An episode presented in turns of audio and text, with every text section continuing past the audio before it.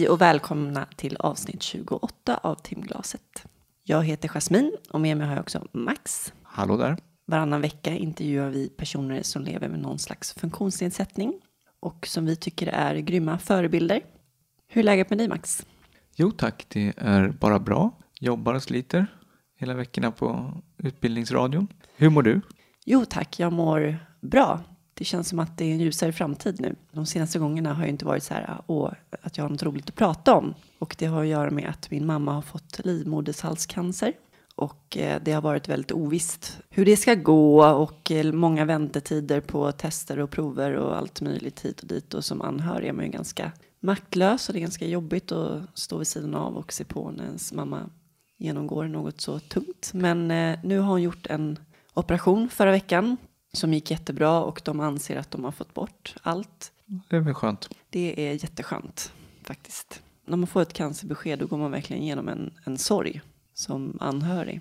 Får du vara lite anhörig för en gångs skull? Ja, precis. Jag menar, våra föräldrar har ju funnits där när vi har gått igenom vår kamp. Så man känner ju att man vill göra allt man kan för att stötta. Men det är ju skönt att det är åt rätt håll. Precis. Annars, vi var på en trevlig middag igår. Vilka då? Du och jag Ja, och kompani. det var trevligt. Du, det börjar bli kallt också. Det är vidrigt. Mm. När jag var på väg till restaurangen igår Ja. så bara, var första gången man kände att nej, men nu är det, Jag var Nu är det imponerad. slut. Ja, jag tänkte på slut. vägen dit, jag bara, mm, för det, var, det är ju ändå ganska nära dig.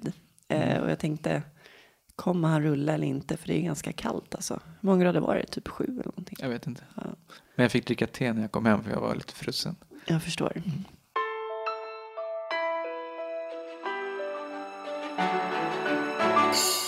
Idag ska vi lyssna på Pamela som är den tredje och sista personen vi intervjuade i Göteborg i våras.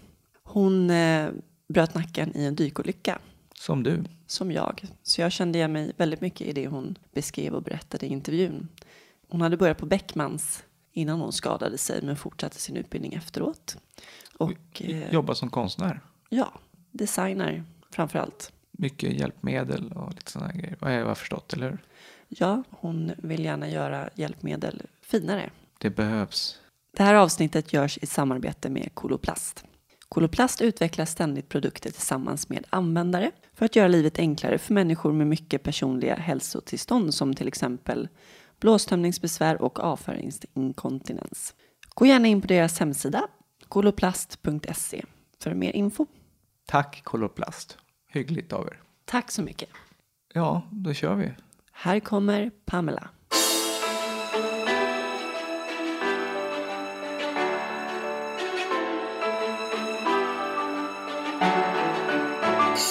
Hej Pamela, Hej Jasmin. vad kul att vara här. Och att du kunde komma. vara med. Hur är läget? Det är bra, det är det. Vad har du gjort idag fram tills nu?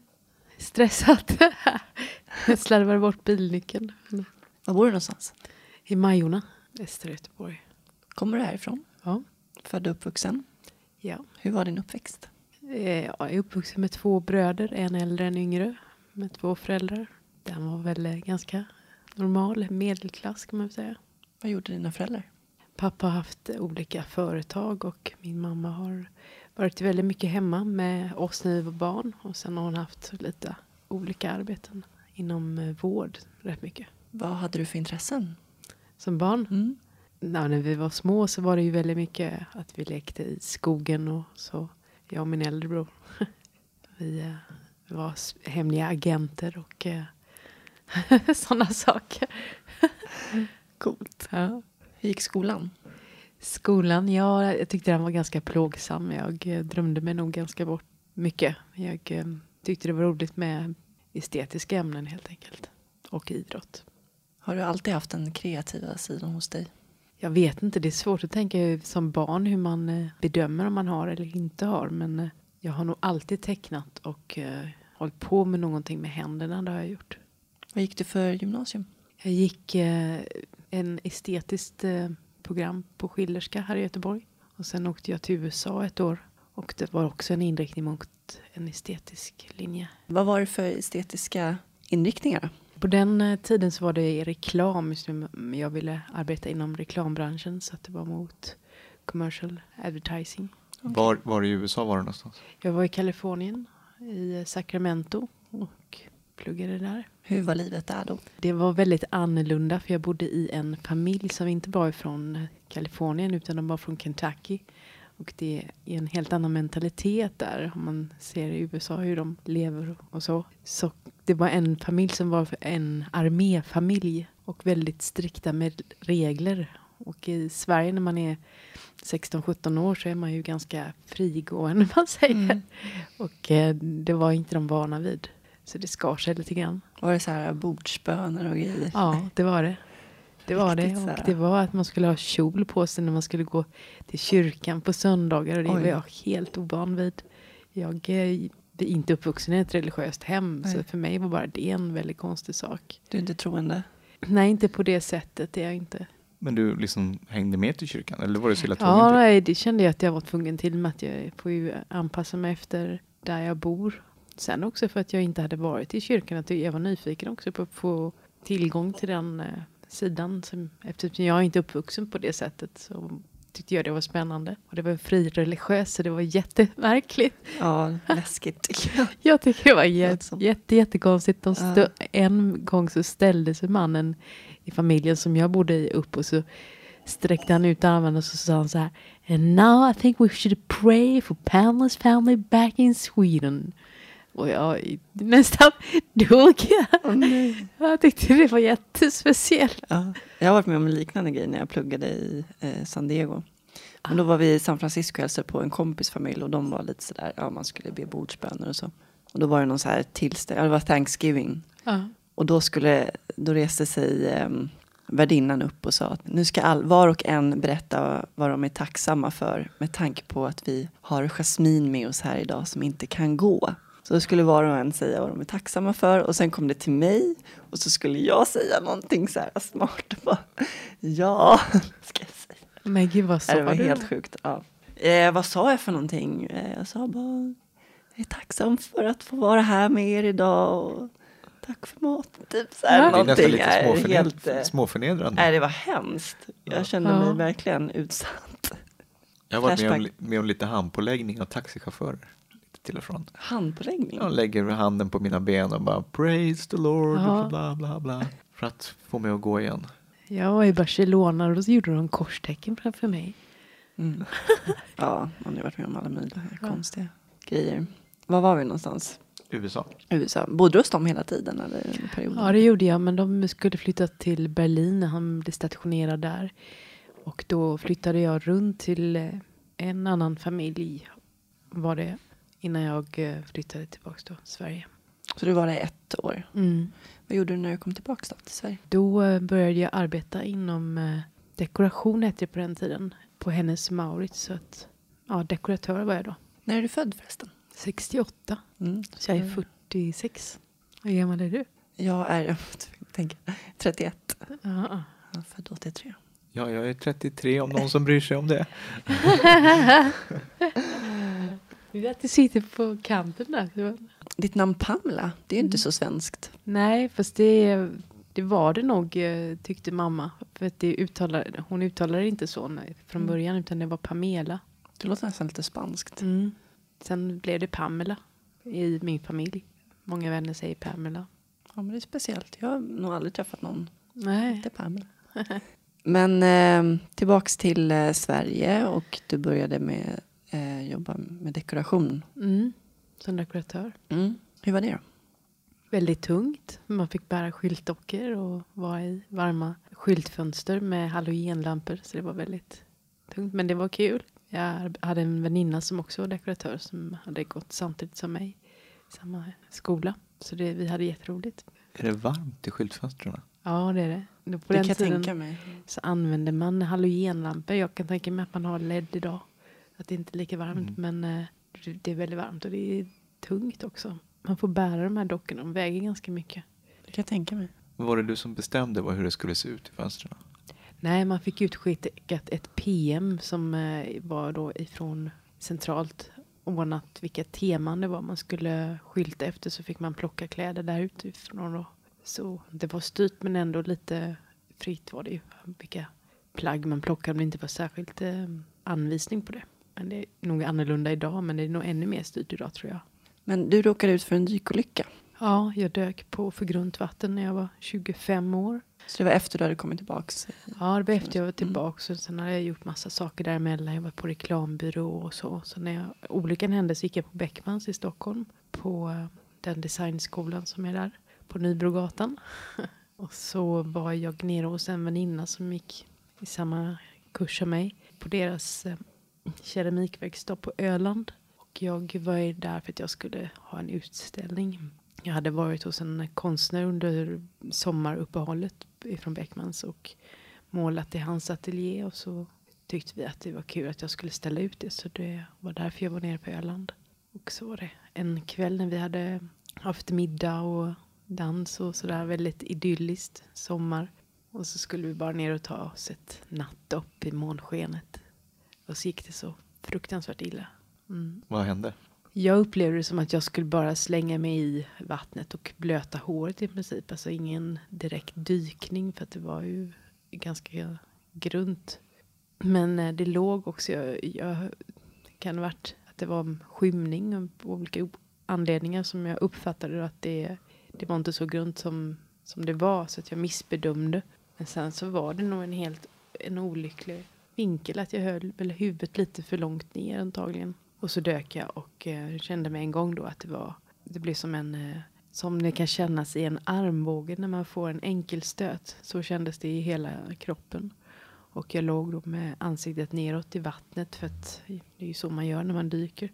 Så jag kom inte runt och mina vänner de skrattade och stojade. Trodde att du skämtade? Ja, det gjorde de. De trodde jag skämtade men jag, jag, jag låg och kom inte runt. och Jag kände liksom att det är alltså så det här det är att drunkna. Och till slut så hörde jag liksom att de började liksom, men sluta och skoja nu Pamela. Sluta liksom larva dig.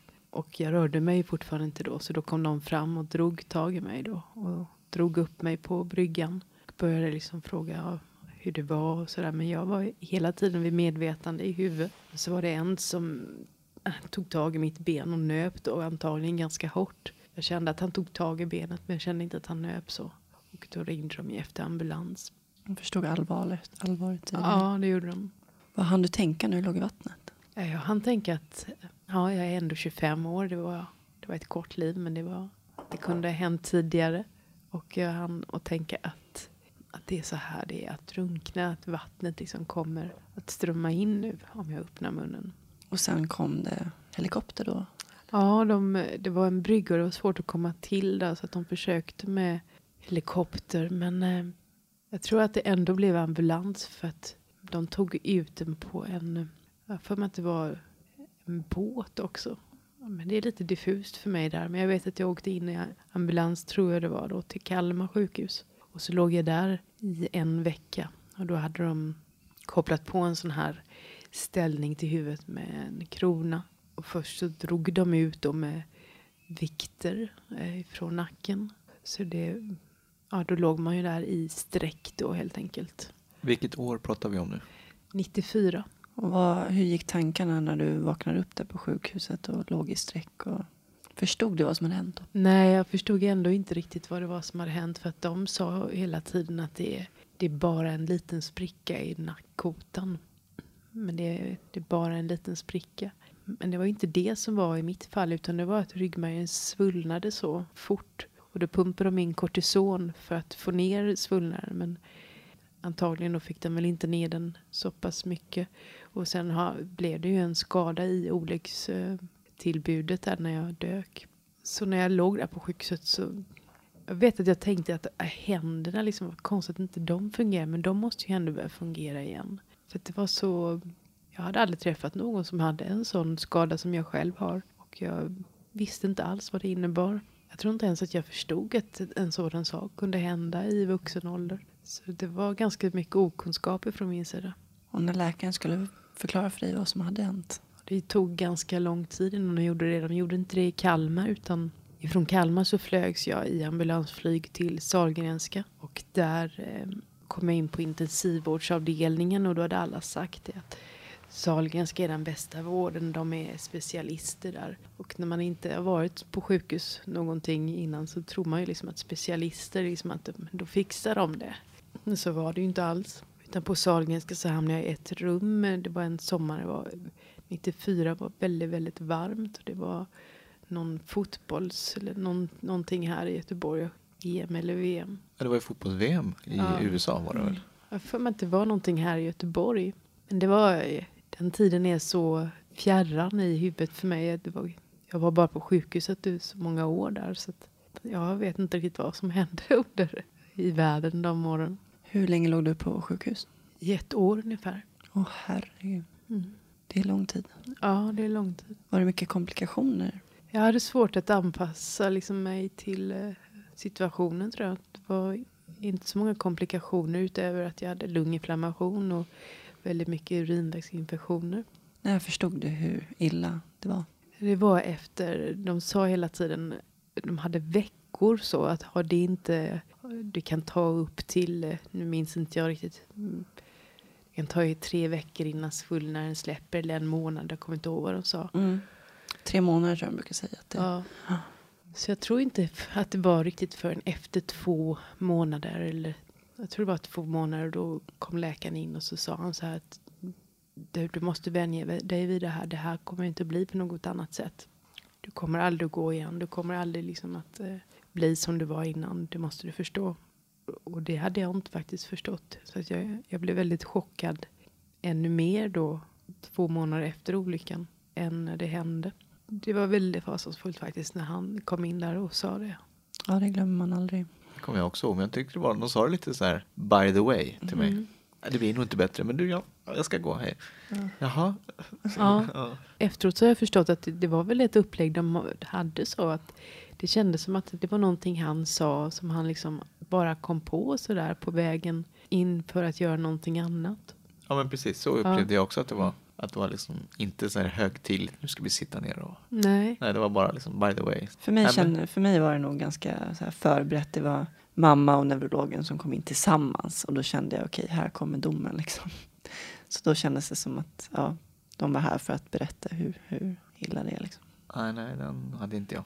Vad var ni med om för olyckor då? Dykolycka, så jag känner igen mig jättemycket i det du berättar. Ja. Ja, Jag fick en inflammation i nacken. Hur gamla var ni? 20, 15, Mm. skulle börja på dansgymnasium. Det var sommaren innan gymnasiet. Så att, mm, det var tufft. Ja, det är det. Men jag känner verkligen igen mig när du berättar hur när du dök och hur du låg där i vattnet och Ja. mm, hur tankarna gick. Och, och alla andra tror att man skojar. Det verkar ja, det var vara- precis samma sak för Mm. mig. Alltså min kompis stod där på bryggan och bara Jasmin, sluta skämta, det är inte roligt längre. Liksom. Nej. Det var ju massa människor runt omkring men till slut så fick hon ju panik för hon förstod ju att jag hade ju legat för länge i vattnet. Och då tänkte jag så här, om inte hon drar upp mig snart då Men du var också liksom. medveten Mm. under hela tiden. Ja, Mm. jag hade stött i sandbotten då. Så, ja, det Ja, hade det var ju precis fel. som med mig. Mm. Exakt. Så det var liksom ingen annan skada utan det var man hade hamnat fel med nacken. Liksom. Ja, sen var det en tuff tid efter det då. Du hade fått beskedet. Hur, eh, Ja, det var fruktansvärt Mm. faktiskt. Det var, dels var det så väldigt mycket överbeläggning på sjukhuset. I det rummet där jag låg, så intensivvårdsrum eller vad de kallar det. Det var ju bara första fasen, men sen så hade de, det var ett rum där det låg, de nyskadade låg.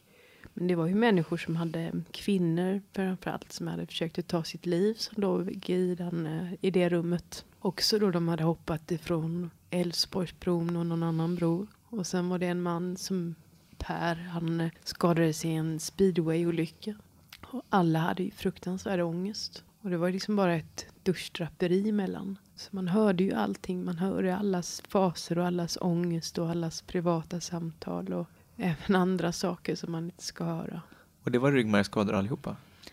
Det var det. Och hur länge låg du i det rummet? Jag upplevde det som att det var jättelänge. Men jag tror att det kanske varit en, den, den första tiden där när jag hade den här ställningen på huvudet. För jag minns att det var, hade så, alla ljud transformeras ganska hårt in i metallen som är inne mot skallbenet. Man har Mm. den här halvästen. Så Mm. det, det var en lampa som stod vid sängen som de drog i med någon eh, spiral. Och det gjorde så fruktansvärt ont i hela kroppen när de gjorde det. För att det här ljudet blev så högt. ja, de här skruvarna skruvas ju in tre millimeter in i skallbenet. Mm. Hade du också en sån? Mm. Sen är det några kilo som tynger ner huvudet då för att man ska ligga i sträck. Mm. Låter sådär halv, halvbekvämt. Mm, ja. Ja, det var verkligen inte bekvämt. Sen kom de in då var tredje timme och vände en på sidan och den andra sidan och rygg. Och, så det var ju hela tiden, den första tiden var ju ganska intensiv, att det hände hela tiden någonting.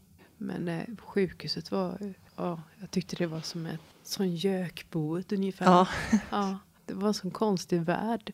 Och också blev allting vänt på, för att jag minns några gånger när jag påkallade hjälp då, men då, då var det faktiskt så här, det låter som att jag överdriver, de kom in och sa att eh, kan du vänta lite, vi ska precis sätta oss ner och fika. Nej men gud. Gud vad Och det var, förnedrande. det var liksom. väldigt förnedrande för att, eh, Att ens behöva be om hjälp är jobbigt. att be om hjälp och så när man ber om hjälp så får man det. Då, jag kände mig till intet gjord så jag liksom, ja, ja, ja visst, jo. Jag kan vänta fast det kunde jag ju inte. Så Vad det- behövde du hjälp med då? Ja, det, den första gången när det hände det minns jag inte riktigt. Men sen jag minns jag en annan gång när de hade plockat upp mig då som jag upplevde det och spänt fast mig på en sån här ståbräda. Så man skulle tippas upp och man skulle på något vis då få jämna ut eh, blodtrycket tror jag det var för att man skulle kunna vänja sig vid att gå upp och sitta. Men då hade de spänt fast mig på den här brädan och då, då minns jag att jag liksom kände att eh, alltså jag, jag måste kissa. Så är det, jag måste kissa nu. Och så larmar jag då. Och då gjorde de samma sak. Och då, då, jag, blev, jag blev så chockad. Liksom. Det vet ju ni också när man har en sån skada som vi har. Att det, är- det är svårt att reglera urinblåsan. Liksom.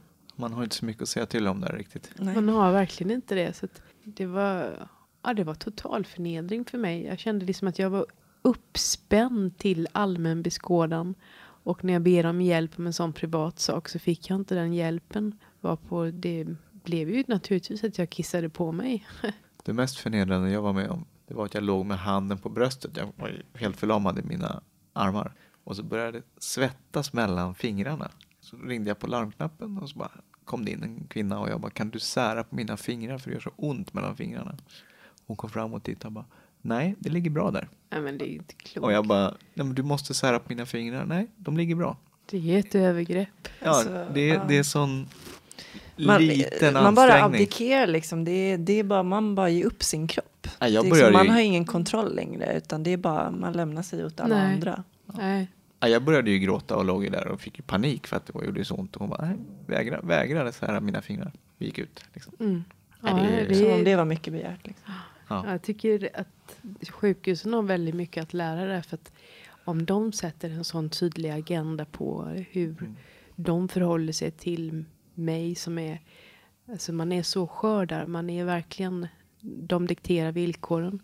Då sätter de nivån tycker jag för vad jag själv kan förvänta mig och också vad, vad andra liksom kan förvänta sig. Och det tycker jag att jag har fått kämpa väldigt mycket med när jag har, jag har ju personliga assistenter. Och bara liksom för att jag har förstått det att när en människa ligger, dels att ligga ner jämförs med någon som står upp är att vara i underläge. Och sen därifrån till att inte själv kunna flytta liksom på sin kropp hur man vill till att be någon annan som står upp, som är fysiskt kapabel att göra det, är också det ett underläge. Och många gånger så har jag tänkt på att det är många situationer som kommer upp där de här assistenterna då genom åren har frågat mig personliga saker i den situationen. Och också märkt, till exempel kan det ju vara, det är inte så personligt, men att de kan ta upp ett exempel som kan jag vara ledig eh, imorgon? Då har jag märkt att i de situationerna innan jag var uppmärksam på det så sa jag alltid ja visst, ja visst, visst. Man var i sånt underläge och man vill absolut inte vara till mer problem. Men det har jag, har jag förstått liksom att eh, så här kan det inte vara. Så att eh, de gångerna nu när jag anställer någon så, så säger jag att eh, det här är förhållningsreglerna. Du kan inte ta sådana privata situationer med mig när jag ligger ner i, i mitt sovrum, är i badrummet, inte har kläder på mig. Alltså det är ju ganska... Man måste vara övertydlig. Ja. När kände du att det vände? Sådär?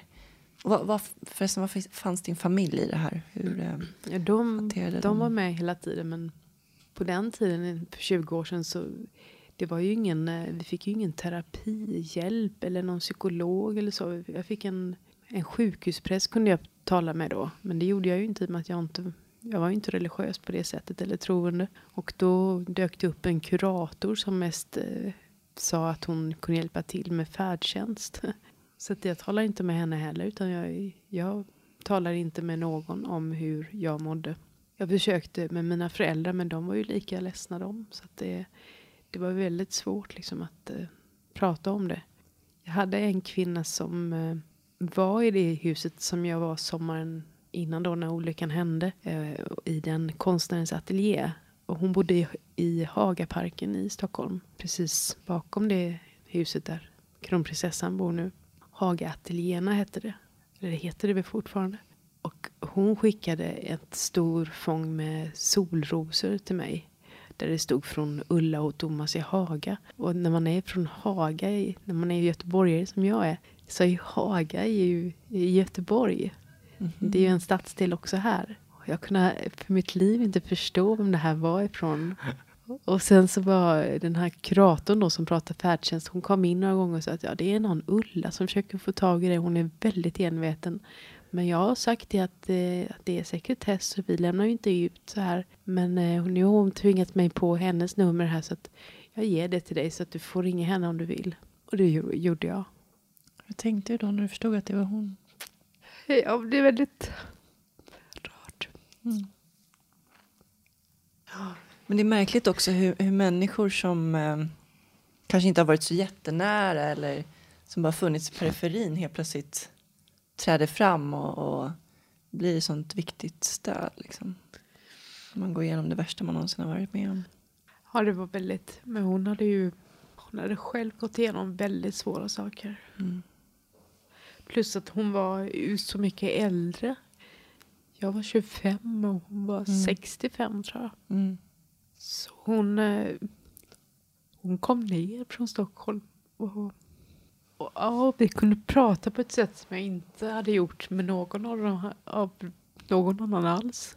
Inte mina vänner heller utan jag, jag bröt ju kontakten med ganska många vänner för att jag tyckte att, att på något vis att jag hade svårt att ta till mig att de fortsatte att leva precis som vanligt.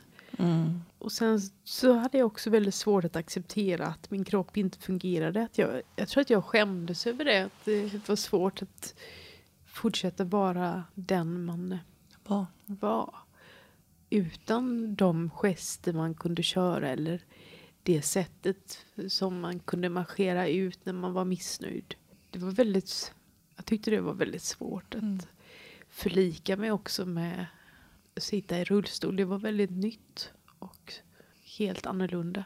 Kommer du ihåg hur du såg på människor med funktionsnedsättningar innan du skadade Jag minns det mycket väl för att jag innan eh, jag arbetade ju in, som dekoratör. Efter så jag arbetade som dekoratör så var jag på en reklambyrå. Men efter det så trivdes jag inte där utan eh, då var det en väninna som sa att hon arbetade med personer som bodde på en gruppbostad med olika funktionsnedsättningar. Och då började jag där. Och det var människor som hade bott på Stretred som fanns här i Göteborg. Och de hade, några hade down syndrom eh, och någon hade någon CP-skada och på olika sätt. Så de arbetade jag med och sen hade jag, hade jag också när jag innan dess hade jag jobbat på hem för äldre människor som äldreboende hette det då. Och eh, så jag var väldigt van vid den miljön. Så, men mm. det jag inte var van vid var ju att jag själv skulle vara en av de som behövde hjälp. Det var jag ju verkligen inte van vid. Och i min värld så tror jag att jag trodde liksom att man föddes alltid liksom med en funktionsnedsättning. Ja, folk frågar alltid en, är du född med din skada? Ja. Det var jag ju inte liksom. Och jag hade ju det 25 år och hunnit liksom att på något vis då bilda mig en uppfattning om vem jag var. Och att behöva göra det på nytt igen, det var väldigt svårt. Men det var där då när Ulla kom ner och vi pratade liksom och jag kunde säga att jag, jag vill verkligen inte leva mer, jag vill dö. Hon sa liksom, jag förstår det, jag verkligen måste ju vara svårt liksom. Men så pratade vi om sådana här existentiella frågor liksom att leva eller inte leva liksom. Och, och så kom jag, efter ett, det här året då som jag kanske inte var fullt ett år men nästan. När man skulle börja och bo hemma. Och då hade jag ju bott i Stockholm eh, när olyckan hände så jag hade ju alla mina saker där. Hur länge hade du gått på Beckmans innan? Ett år gick jag. Mm. Och då bodde jag i Birkastan i Stockholm i en, en lägenhet som jag delade med en väninna. Och där kunde jag ju inte bo kvar för det var ju en eh, andrahandsboende. Så jag flyttade tillbaka till Göteborg då. Och första året efter olyckan så hade jag ingenstans att bo så bodde jag hos mina föräldrar i deras villa. Sen fick jag en lägenhet i Majorna. Men Ulla hon kom ner hela tiden ifrån Stockholm. Och fortsatte liksom att samtala helt enkelt. Och sen ringde jag henne varje dag. Och i början på sjukhuset så ringde jag henne flera gånger om dagen för att jag hade sån fruktansvärd ångest. Det fortsatte nog i, i tio års tid liksom. Det blev en väldigt djup vänskap med henne. Tog du vid studierna på Beckman sen? Nej, inte på Beckman så gjorde jag inte det utan jag, eh, när jag sökte till Beckman så sökte jag samtidigt till HDK här i Göteborg. Vad är det för något? Det är Högskolan för design och konsthantverk. Och jag kom in där i Göteborg. Är det svårt att komma in? Ja, det är ganska svårt. Man söker på arbetsprover, bilder, teckningar man har gjort och uppgifter som man får då som man ska göra. Vad för teckningar hade du gjort? Jag hade gått på konstskola dessförinnan då. Eh, så jag hade ganska mycket sådana studieteckningar man gör på konstskolor. Krokistudier och eh, modellstudier och stilleben och det klassiska skolan helt enkelt. Hur gick det med handfunktionen? Ja, det var ju innan som jag, konstskolorna gick jag innan jag var med om olyckan. Så efter liksom reklam och dekorationsperioden och även inom omsorgen då började jag eh, att först tog jag, tror det var Folkuniversitetet, vissa kurser och så sen så sökte jag in till en eh, konstskola som hette KB konstskola.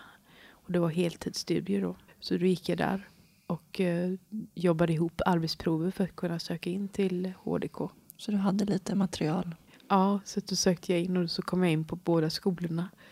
Men då vet jag att eh, då var jag 23 var jag kanske. Av 24 nästan. Då, då var det ju någon man jag ville ha härifrån. En, ett uppbrott här i, som var i Göteborg. Och samtidigt som jag kände att jag måste ju flytta lite på mig. Jag kan ju inte bara vara i Göteborg. Så var därför så valde jag Stockholm. Men eh, då var den rätt ny den formlinjen som jag gick.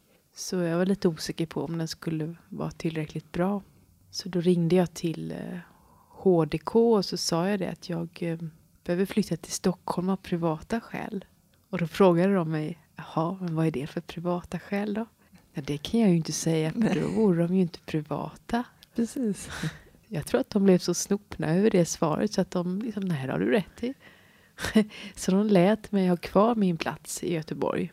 Och det var ju min lyckliga stjärna egentligen att de gjorde det för att efter då det här året då när olyckan hade hänt och då hade jag ju fortfarande kvar platsen både på HDK och på Beckmans skola. Och den platsen eh, var ju, jag tror jag hade den i två eller tre, jo, två år efter olyckan var den fortfarande kvar. Då skulle jag ringa och säga liksom att det här, det går ju inte, jag kan ju inte upp, liksom hålla en plats för någon annan.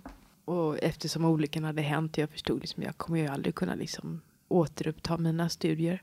Så jag slog samt nu- numret där till skolan och skulle prata med dem och så pratar jag med dem och så, så säger jag precis tvärtom. Jag säger att ja, jag har ju min plats här och nu har ju det här hänt men eh, jag vill fortfarande ha kvar och jag ska utgå den här skolan men eftersom det här har hänt mig nu så måste ni ju förstå att jag måste läsa på distans sa jag till att börja med. Hur lång tid efter var det här? Jag tror det var två eller tre år efter. Tre år efter tror jag det kan ha varit. Och de sa ja, självklart, det är ju så. det, har, det har du rätt att göra. Så då började jag att läsa på distans. Men det fungerar ju inte särskilt bra och allt eftersom så blir jag ju mer och mer nyfiken på att eh, faktiskt vara på skolan. Så till slut så började jag att gå också där men då var det väldigt svårt liksom för att det, det är en gammal skola, en K-märkt byggnad. Jag tror den är byggd 1800 någonting så att det, det gick inte för mig att komma in där utan min ingång till skolan var genom soprummet. Trevligt. Ja, för att det var där hade man ju tänkt liksom att det skulle vara plant då för att de här sopgubbarna skulle kunna hämta skräpet enkelt. Ja, men gud vad hemskt. Ja, men där var det, så var Ja. det. Så att det var där jag gick in till skolan via det ingången. Är, det- är det fortfarande så där nu? Nej, nu är det inte så, utan nu har man ändrat det efter många år. Jag tror att jag gick in den ingången under hela min utbildning faktiskt. Och hur lång tid var det? Jag tror, den tar ju egentligen fem år den utbildningen som jag har gått då. Men för mig tog det sju år tror jag. Det är långt. Ja, det är lång tid. Hur fixade du den praktiska biten just? Det var väl, vad, vad, var, vad var det du gick för kurs? Eller vad var det du gick för linje där? Jag gick med inriktning mot produktdesign och så senare industridesign. Men det är mycket data kanske? Eller kanske inte fanns då? Jag vet inte. Jo, det fanns det. Jo, Ja. från, ja. Ja, det är ändå 25, Som då är det var 25 sten. år sedan Ja. nästan. Eller vad var det? 94? Nej, 94. ja det, Fast ja, tre år senare. Ja.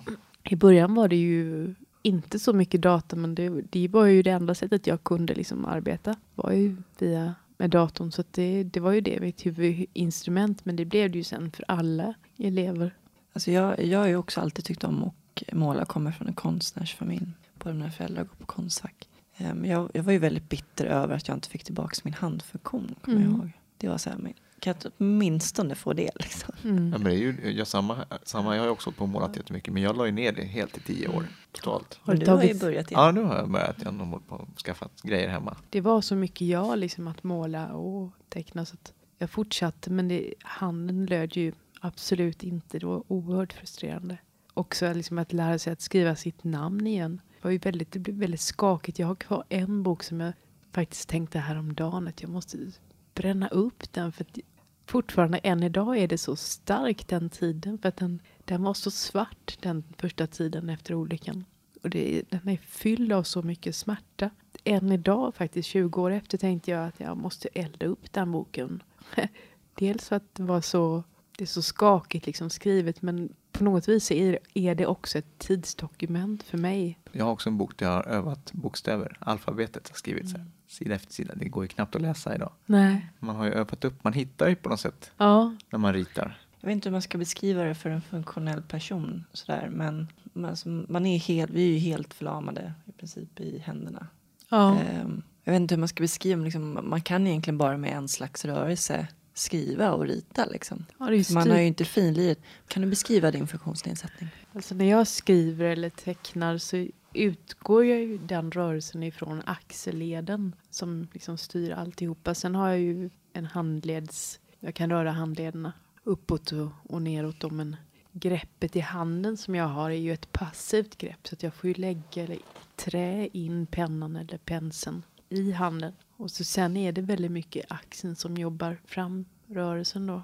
Det var ju därför det inte gick från början för att då blev det ju för stor utslag helt enkelt tror jag. Eftersom det när man lär sig skriva eller innan olyckan så skrev man ju med fin med motorik liksom i handen. Och det fungerar ju inte alls när man har den typen av skada som jag har. Jag har en hög C5-skada på femte nackkotan. Så, så är det. Så det är ovanför bröstet och ner. Ja, det är jag. Hur är det Ja. med känseln? Jag har känsel och det tror jag är tack vare att de satte så mycket kortison. Har ni det? Jag har inte det med Max. Jag har inte full känsel men någon typ av känsel. Mm.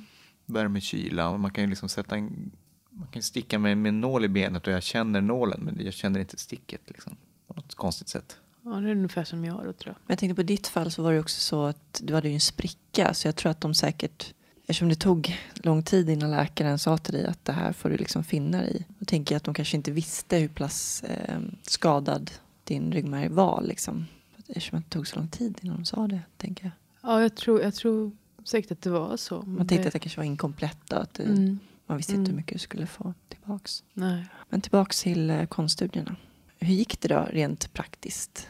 Du kom in genom soprummet och Ja. sen Jag gick in genom soprummet i alla år. Eh, från början så var det ju tanken, min tanke i mitt huvud var att jag skulle ha, gå på distans då. Det var ganska mycket för att det var svårt med toalettbesök och så. Och sen att jag hade ju assistenter med mig. Jag såg liksom ingen annan lösning. Det var svårt för mig att vara hemifrån så lång tid för att kroppen nu var så stökig. Liksom. Jag var spastisk och allting var i så obala, obalans. Men eh, till slut så löste det sig mer och mer att jag kunde vara på skolan längre tider. Och sen så jag tror jag att det som utlöste att jag faktiskt liksom blev så pass att jag ville tillbaka och att jag ville liksom göra klart min utbildning. Det var för att när jag började kvickna till där efter olyckan och man har varit hemma ett tag, kanske två år, så tyckte jag att allting var så himla fult som jag var tvungen att ha omkring mig. Det var någon plastkopp som jag hade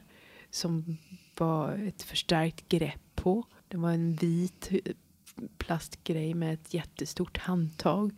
Den tyckte jag var extremt ful. Det kändes som en barnkopp. Jag hade också en sån. Ja. Ja. Och det var liksom... Ja, det var det. Det var ju ett lock på också. Ja, Med en pip. ja, precis. Ja. Och så var det eh, ett larm, ett trygghetslarm jag hade som var helt... Jag kände mig som ett larmat plagg ungefär. Och då kände jag liksom att det här är ju inte klokt. Varför ska jag behöva ha en sån ful kopp? Varför ska människor som jag behöva ha såna här fula saker omkring sig? Vi har väl också rätt till liksom estetik och skönhet i vår vardag. Liksom, och ännu mer då i och med att det är så få saker man kan använda och de sakerna måste vara snygga. Då började jag liksom att nej fan det här tänker jag göra någonting åt. Så den första grejen jag gjorde var nog, eh, jag tror att det var koppen. Då gick jag utifrån den koppen då, den här fula plastkoppen och alla andra sådana fula plastglas som man fick ha. Och så gjorde jag en studie på HDK. När man läser liksom i industridesign så är det väldigt mycket att du har en eh, designmetodik du går ut efter. Man träffar användare och man gör studier. Och det gjorde jag. Jag träffade människor som jag själv som hade en nedsatt funktion i händerna. Och inte bara ryggmärgsskador utan eh, människor som hade reumatism och men några som hade artros. Så att ledbanden var inflammerade och de hade mycket värk. Någon som hade Parkinsons, någon som hade MS. Och då gjorde jag med hjälp av ett dataprogram då en 3D-utskrift på, en, på olika koppar med olika handtag. Och så studerade jag dem då hur de gjorde och vad de tyckte liksom om dessa kopparna. Vad som fungerade bättre för dem och vad som fungerade sämre. Och utifrån det så tog jag fram en eh, ny kopp då som heter A Balance A Cup for Everyone. Och den byggde väldigt mycket på just balansen i handen och hur jag utformade hänken. Jag utformade en, en stor hänke som lägger liksom jäms med hela handens greppförmåga. Vad, vad är det för någonting? Det är örat på Okej. koppen som man kallar hänken. Och insidan på koppen gjorde jag skålformad för att eh, det hade jag läst mig till och jag hade också studerat under studierna då att det är lättare att dricka om man har svårt att böja huvudet bak utifrån en kopp för då rinner det ut mycket enklare i munnen. Så jag tror att vändpunkten i mi- mina studier kom just utifrån min ilska över att vara omgivning av dessa fruktansvärt fula och förminskande hjälpmedel. Ja, jag har lyckats. Jag har nog bara duschpallen hemma. Sen har jag lyckats liksom få till, få bort allt som ser så Mm. fult ut. Samma här. Bort med alla grejer liksom. Så få anpassningar som möjligt och så ska det se så trevligt ut som möjligt Ja. såklart. Ja. Men när, när känner du att, att det vände? Att, liksom, efter att har varit den här, de här svarta åren, du mådde så dåligt. Liksom, när, när vände livet och du kände att du fick tillbaks det? Jag tror det var i och med att jag eh, blev mer och mer engagerad på, på HDK och att det vände i samband med det och även sen när jag var klar med utbildningen att jag fick, jag fick möjlighet att arbeta med dels det företaget då som jag nämnde som gör larm och att jag jag kände att jag kanske hade någonting att tillföra. Det är svårt att säga när det vände för det kommer liksom svackor fortfarande än idag men det kommer också mycket glädje gör det naturligtvis. Att, men det tog ganska många år för mig. Och Kanske att det tog nästan sju år efter olyckan. Där jag tyckte att det fortfarande var väldigt svårt. Mm. Hur var det för er? Det är som du säger, man hamnar ju fortfarande i svarta sorger ibland. Men, ehm, för det är ju en sorg att leva med en funktionsnedsättning. Det är, det, det, är ofrånkomligt. Men eh, det tog många år, tycker jag, innan man gjorde det. Speciellt innan man fick eh, ja, men koll på det här med personlig assistans och hur man kunde leva sitt liv på bästa sätt med det. Men, eh, För mig gick det nog lite fortare tror jag. Mm. Eller man som sagt, det är fortfarande, man har ju, det är fortfarande inte, det kommer ju och går. Men när jag började jobba, och det tog bara efter nio månader, så började jag jobba och då blev det direkt mycket liksom. Efter nio månader efter olyckan? Ja. Herregud. Ja, då började jag jobba på halv, halvtid och sen efter Mm. ett år började jag jobba heltid. Då var man tillbaka på något sätt liksom. Jag hade ju så många komplikationer där. Efter jag fick sittsår när jag började på gymnasiet och så. Blev liksom sänglig i nästan två år på grund av det. Och, Ja, jag ju, att, var ju eh, väldigt komplikationsfri liksom. Mm. Eftersom jag inte har någon, något brott. Liksom. Mm. Jag är ju hel i kroppen. Liksom. Komplikationer har väl kommit nu på senare tid med när man börjar slita sönder axlar och grejer. ja. Ja. Vad arbetar du med då? Film och tv-klippare. Frilansar från det. Roligt. Mm, det är kul. Men du designade en rullstol också Mm. som examensarbete. Ja, just det. Hur tänkte du kring skapandet av den? Jag tänkte samma sak. Liksom, varför är de så fula? Ja. Eller så jag såg den så riktigt spejsad ut. ja, varför har det inte hänt någonting? Liksom, vad, går det inte att göra på något annat sätt? Och då träffade jag en man som höll på med att anpassa bilar. Och han hade lite tankar kring det här med rullstol och att man kunde sitta kvar i stolen när man skulle köra bil.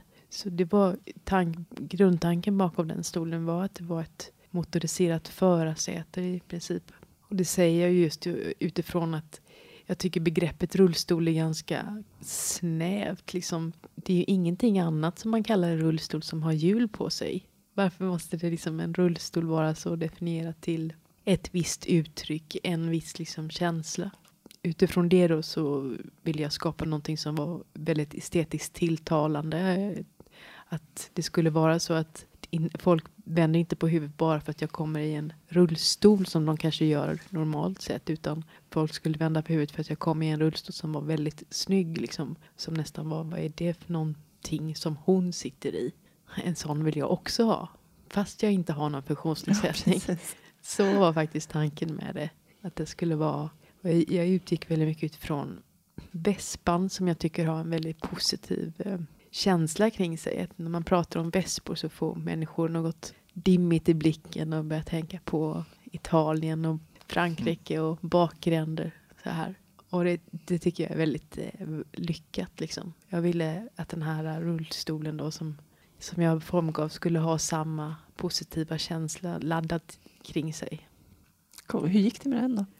Jo, det gick, eh, det gick väldigt bra. Jag, förutom att han och jag som gjorde projektet från början, vi, kom i, vi blev väldigt osams för han ville stå med som formgivare. Och det, det kunde jag ju liksom inte säga i och med att det var ju, jag var ju formgivare, jag har ju gått i, det var ju mitt examensarbete. Men eh, stolen blev ganska uppmärksammad i media och så. Många har hört av sig och velat göra någonting men det, är- det är svårt liksom att angripa den marknaden för att det är några stora bolag som äger det. Princip liksom de har gehör för vad de gör och de har marknadsandelar. Fast det, nu är det ju ändå 11 år sedan jag gjorde den och det har ju fortfarande inte hänt särskilt mycket på den marknaden kan jag tycka. För några år sedan så var det en man som började ringa mig som sa att han var professor på, på Chalmers. Han ville absolut att vi skulle gå vidare med den här rullstolen då. Det jobbar jag med andra saker liksom och hade inte tänkt så mycket på rullstolen mer. Plus att det blev en sån tråkigt avslut med den här andra personen. Men då hade det gått så lång tid så när han började prata om det så kände jag att ja, jo, ja, men var det inte så liksom att man kunde köra bil med den och var det inte så att du gjorde studier med det här med krockskador och så i ditt arbete? Så att, jo, det gjorde jag. Då vaknade liksom det till liv igen då. För när jag gjorde det arbetet så gjorde jag det väldigt grundligt och jag undersökte vad som fanns. Jag undersökte också hur man gjorde i tester med rullstolar kontra bil. Och de testerna jag fick fram var ganska liksom skrämmande. Man testar inte alls på samma sätt som man gör med ett vanligt bilsäte.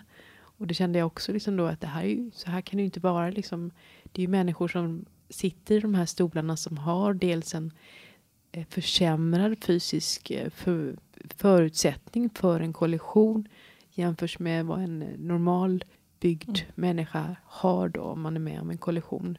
Utfallet blir ju desto större när man inte har en muskelmassa som håller emot. Och då tycker jag liksom att då måste ju de produkterna som man sitter i eller som dessa människor färdas i vara extra skyddade. Jag har tänkt på det när man åker de här färdtjänstbussarna ibland.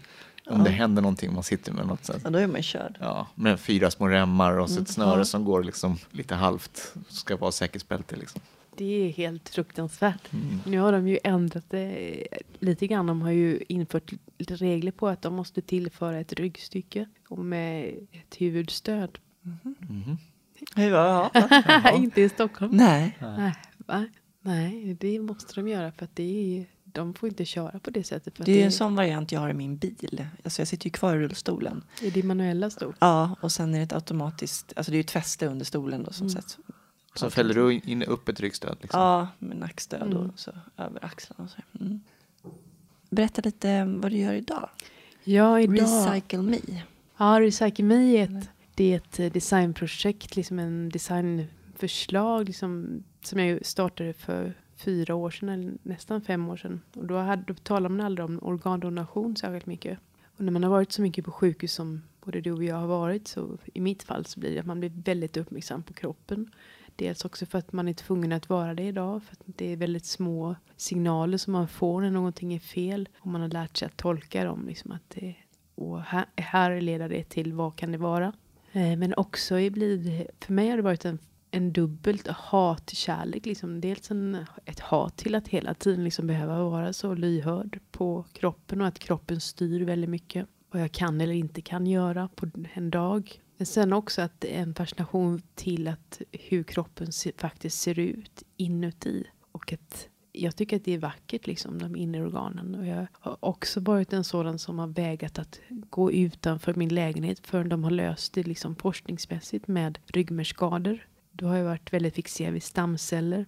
Och det är också någonting som är väldigt vackert när man tittar på det liksom i uppförstorat mikroskop hur det ser ut. Jag, jag tycker att kroppen är vacker, nästan vackrare in, inuti än utanpå. Och då gjorde jag så att jag tyckte liksom just det här med organdonation kände jag liksom att det är ju en sån enkel sak liksom. Att om man bara säger att skriver på eller så att man är för det när man ändå är död. Och då tänkte jag liksom att eh, när min olycka hände så vet jag liksom att jag tänkte men går inte det liksom att sätta in lite nya ryggmärgsgrejer. liksom, grejer där bak? Nej, det går inte tyvärr. Men jag tänkte liksom också att jag ville ju verkligen bli frisk nästan till vilket, liksom, vilket pris som helst. Och hade jag kunnat få någonting ifrån en annan människa då som inte hade behövt det längre. Ja, då har man tacksamt tagit emot det. Det hade man ju helt klart gjort då. Och då kände jag liksom att då måste ju min inställning vara detsamma. Liksom, om någonting skulle hända mig, vilket det hade gjort då. Och hade jag liksom inte klarat mig där i den olyckan. Då hade jag ju faktiskt hellre velat att, att den olyckan faktiskt skulle kunna rädda livet på någon annan då. Och utifrån det så skapar jag det här projektet Recycle Me. Som är liksom återanvänd mig liksom. Och också så var det som en protest till att det är så tabu att tala om det kroppen liksom producerar. Avklippt hår är äckligt, avklippta naglar är äckligt, blod är äckligt. Eller man är rädd för det liksom. Faktiskt vända på det, för allting annat är ju så vackert när man återvinner.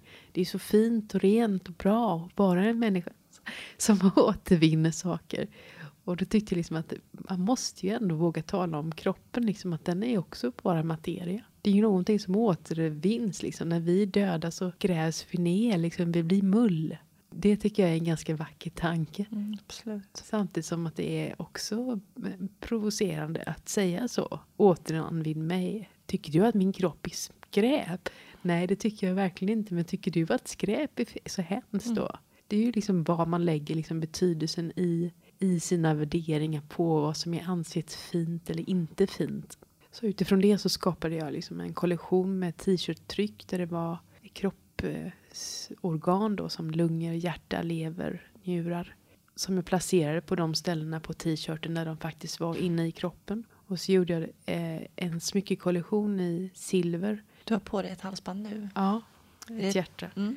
Ett anatomiskt hjärta eller formen av det kan man säga. Ja, lite Mm. förenklat då utifrån ja, hur jag har tolkat det då, hjärtat. Och de produkterna säljer jag då så går vinsten till forskning om organ och transplantation till en fond som heter Gelinsfonden. Men det är väldigt spännande för den fonden har också gett pengar till människor som håller på med stamceller. Så att på något vis blev cirkeln sluten ändå. Och man har ju kommit också väldigt långt med stamceller. Inte bara liksom embryotiska liksom stamceller utan stamceller utifrån hudceller till exempel. Fast nu håller jag på med eh, tillbaks liksom till transport och olika grejer. Så att jag har börjat att eh, påbörja min doktorandutbildning på Chalmers. För att doktorera inom det här med transport och tillgänglighet. Kontra då liksom produkter. När började du där? egentligen så är det väl detta året som man kan säga att det är väl mer uttalat att, att jag läser till, eh, eller håller på med min licentiat. Men, Hur lång eh, tid tar det? Ja, det tar väl också fem år antagligen. Mm. Men det beror väl på. Men jag har ju arbetat med det projektet med eh, olika transportfordon i två år på IMET Chalmers. Det är liksom att eh, ta sig från A till B för eh, personer som jag som har en funktionsnedsättning och använder rullstol. Eh, det man i samhället inte riktigt tänker på är man gör oftast liksom lösningar som en anpassad bil. Den fungerar ju bra. Men den fungerar ju bara när du har din anpassade bil med dig. Om du reser till New York, hur, hur ska du göra då liksom, för att få med dig rullstolen? Hur kommer du in i taxin? Det fungerar ju väldigt sällan bra. Och det vill jag studera mer. Liksom, hur kan man få hela samhället till att hela kedjan ska fungera? Att inte liksom bli strandsatt för att eh, jag kom på spårvagnen men jag kommer inte komma av på den hållplatsen för att den inte är anpassad. Eller anpassad för att den inte är tillgänglig. Liksom. Jag tycker det här med anpassning är förlegat. Det, är, det här är någonting som berör alla människor. Och ju mer man ser människor i alla olika liksom, storlek och kroppsform och förmågor och inte förmågor, desto mer förstår man att man måste få samhället att fungera för alla människor. Hur lever du ditt liv idag? Har du någon, lever du tillsammans med någon? Eller? Nej, tyvärr inte. jag arbetar väldigt mycket, gör jag. Och utöver det så är, träffar jag väl mina vänner och vi går ut och käkar och sådär, dricker vin. tänkte på det, eh, när jag googlade på dig och sådär och kollade din hemsida så står allting på engelska, inte på svenska. Nej, jag är ganska intresserad av att vända mig utåt i världen. Jag tycker att Sverige är lite för litet att stanna kvar i, kanske hela livet. Jag hade tyckt det varit väldigt roligt att bo i ett annat land igen om det hade varit möjligt. Nu är ju det lite svårare när man har personlig assistans. Vi har ju inte riktigt rätt att röra oss på samma sätt som andra människor i, som bor inom EU. Och det är ju också någonting som man behöver titta på att ändra på. Att få det, den möjligheten. Ja, vi får väl bara vara utanför Sverige i sex månader eller något precis. Ja, Sen och måste det, vi tillbaks. Alltså det begränsar ju liksom, jag inser ju det att om jag fullföljer den här doktorandutbildningen nu och får en, en doktorstitel, då måste jag kunna resa och jag måste kunna ta med mig den assistans som jag behöver eller anställa på plats. Men då har ju Försäkringskassan så extremt snäva regler idag att det för det första är det ju i, inom EU så Mm. är det samma lagstiftning. Men om man bor utanför EU då, låt säga att jag får ett jättevälbetalt arbete i USA, hur ska jag Mm. göra då? Ja, precis. Mm. Ja, det finns ju inte så mycket alternativ just nu. Nej, men det är Så också det. tror jag att många gånger att de inte har fått frågan. Frågan har inte Nej. kommit upp liksom. När fick du beröm senast? Beröm? Ja, det minns jag inte. Den är svår. Ja. Jag kommer inte riktigt ihåg. Jobbet? Nej, det minns jag faktiskt. Det var en som ringde ifrån det har ju bildats en annan organisation som arbetar med or- organdonation. De heter MOD, mer organdonation. Och då var det en eh, Peter Karlstedt som är en av grundarna. Han ringde och sa det att men du vet ju att vi tycker ju jättemycket om dina smycken. Du vet ju det. Och så sa jag nej, det vet jag inte. Men tack för att du säger det. Ja, faktiskt. Ja. De är jättefina, sa han. Så det var faktiskt beröm. Härligt. Ja. Vad är lycka och vad betyder lycka för dig? Ja, lycka är väl att, att känna sig hel inombords och utombords och att känna sig trygg faktiskt. Gör det. Inte alltid. Vad betyder frihet för dig? Frihet är att kunna bo i vilket land som helst om jag vill och behöver det. Om du fick leva om ditt liv, skulle du göra någonting annorlunda? Jag skulle inte dyka på för grundvatten. Det hade jag verkligen inte gjort. Jag hade nog varit lite mer försiktig i hur jag, hade, hur jag levde mitt liv när jag var 20 år. Men det tror jag inte att jag hade lyssnat på mig själv som 40-åring. Att jag hade säga det till mitt 20-åriga jag. Mitt 20-åriga jag hade nog fortfarande bara ja, ja, ja. Vad var det du gjorde då? Som var så, som du känner att du borde varit mer försiktig med? När man är 20 är man oövervinnlig. Man är odödlig. Vad är problemet? Så minns jag väldigt tydligt att jag upplevde Mm. det. Förstod inte varför alla vad gnällde de om. Vad skulle du vilja säga till någon som eh, aldrig någonsin har träffat någon som har någon slags funktionsnedsättning? Eller har någon erfarenhet av det? Vad skulle du vilja ha sagt till dig själv? Ja, jag, vet inte, jag skulle vilja säga att det är inte så självklart att du har rätt att ställa dina frågor till den personen. För eh, skulle du ställa det till någon människa som inte hade en funktionsnedsättning? För det är ganska privata frågor som människor slänger ur sig i en kö eller på gatan. Tänk på vad det är du frågar och vänd på det. Skulle du kunna själv tänka dig att svara på den frågan i den situationen, i den miljön? Och jag skulle också vilja eh, säga att det är försök att sätta dig in i den personens situation. Det var ju någon gång du sa det, jag tänkte på personliga frågor och när du berättade att eh, ja, men när man får frågan liksom, vad har du varit med om? Och du säger så här, egentligen vill man ju fråga, ja, men vad är det värsta du någonsin har varit med om? Ja, jag kan, ja men det har jag sagt någon. Ja, Jag kan berätta det när du berättar ditt värsta trauma i livet så Ja. kan vi ta det, kan jag berätta sen. Mm. det är ganska, det är ju bra. För det är ju så. Och gärna på krogen också när man har trevligt. Så bara, Varför sitter du? Ja, Ja, varför ska jag ta upp det nu? Jag har ju suttit och har trevligt. Ska jag sitta och berätta det? är ju värsta, det värsta jag varit med om i livet. Jag vill inte sitta och prata om nu. Liksom. nej. Du kan ju ta ditt värsta trauma, någon som har dött eller något. Ja, berätta här nu. varsågod.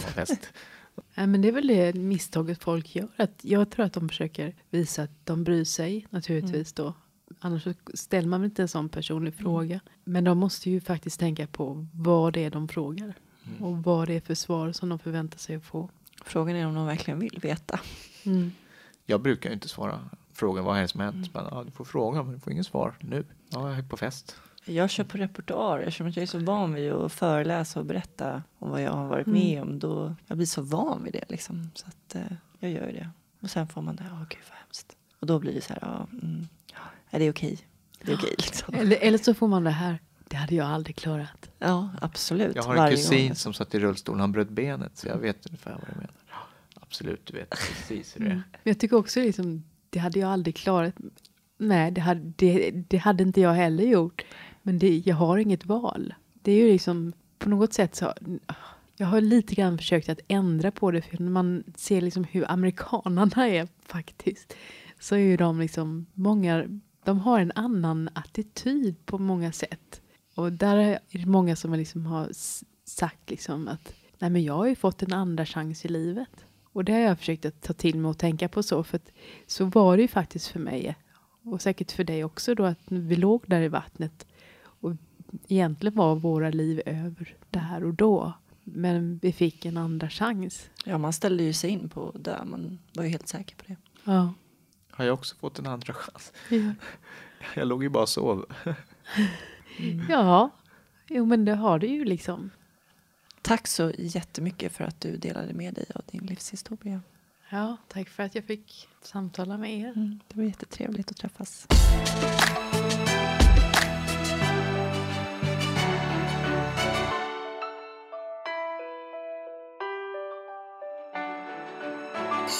Visst är man lite lockad att säga Pamela? Pamela. Du vet att det är ett spanskt namn Ja. egentligen. Pamela. Vad sa hon egentligen att det kommer ifrån? Hon sa, gav ingen förklaring på det. Nej. Eller? Hon gör ju många bra saker, Pamela. Och eh, det här med donationsprojektet som hon pysslar med. Har du eh, signat upp på donationsregistret? ja, det har jag faktiskt. Mm. Det spelar ingen roll om man ändå är död. Kan man väl bara ta allt ni vill. Håller helt med. Samma här. Jag tycker det är ganska intressant sådär hur hon verkligen ser på kroppen som att det, vi är så vackra inombords också. Har du någon erfarenhet av donation på något sätt? Nej. Har du? Nej, känner ingen som har behövt ta emot något eller få något eller ge något. Vi har ju intervjuat däremot Sanna Gustafsson.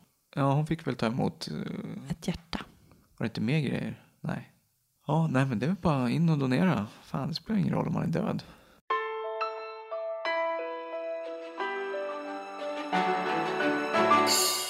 Nästa avsnitt så kommer Julia.